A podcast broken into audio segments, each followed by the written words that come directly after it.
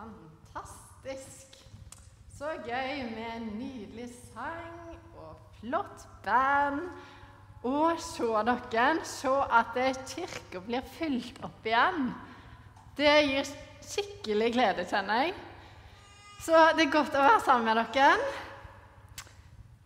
Og for lenge, lenge siden, når jeg var ung, da bodde jeg Skal vi se, jeg skal bare ha en oppi her. Skal vi se her. Da bodde jeg i Bysjen i Etiopia i Afrika. To venner av meg og meg bodde der med jordvegger. Vi hadde sånn hull i bakken som toalett. Og når jeg skulle dusje, så var det å varme litt vann opp og helle det over meg fra bøtta. Det var utrolig spennende og vanvittig utfordrende. Vi hadde lært litt av språket, litt kultur. Vi hadde fått gode venner.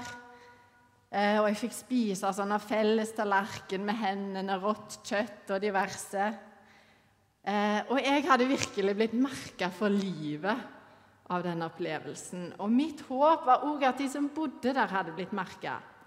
Ikke av meg, forhåpentligvis, men av de gode det gode budskapet, av nyhetene som vi hadde med oss.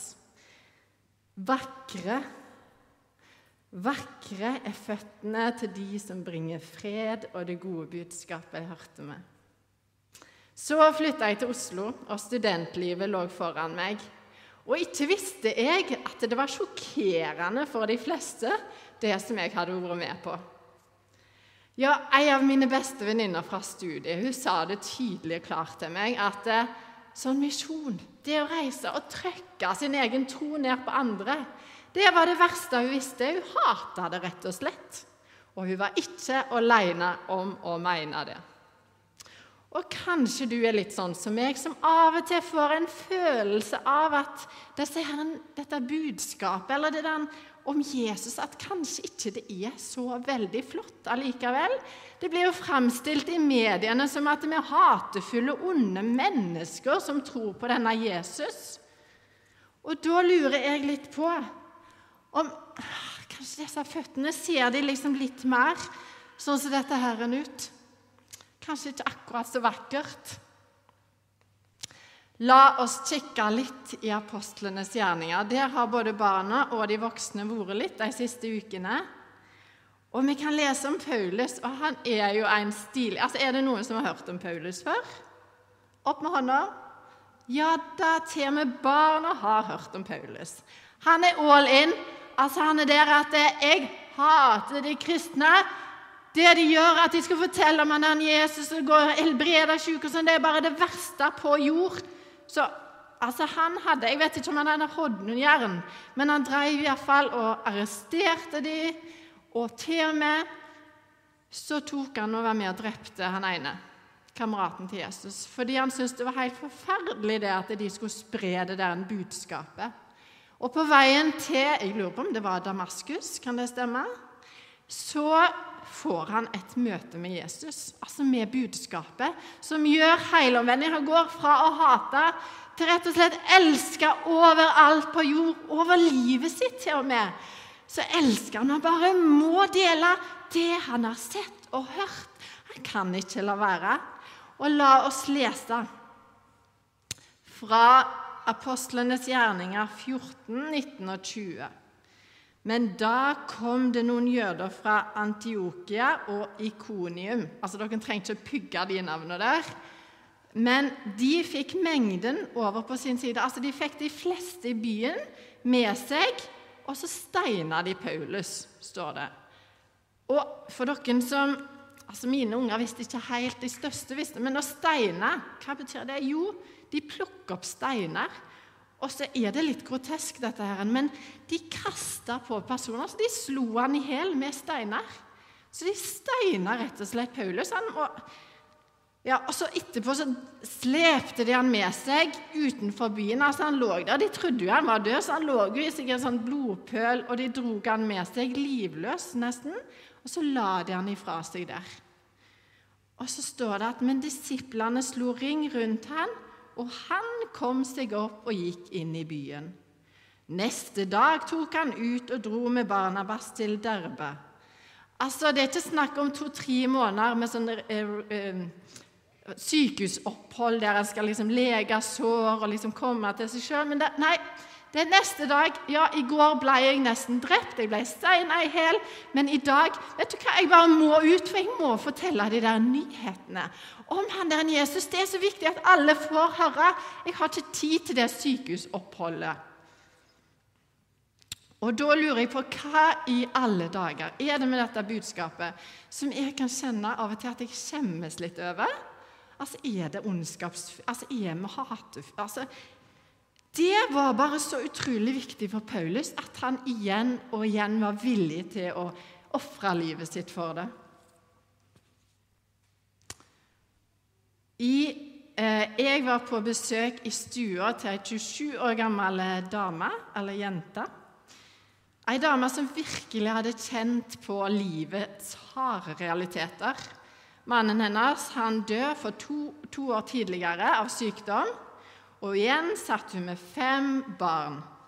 Og nå hadde det skjedd at datteren hennes på ti år var, var med i ei ulykke, så hun var blitt kvalt og var drept.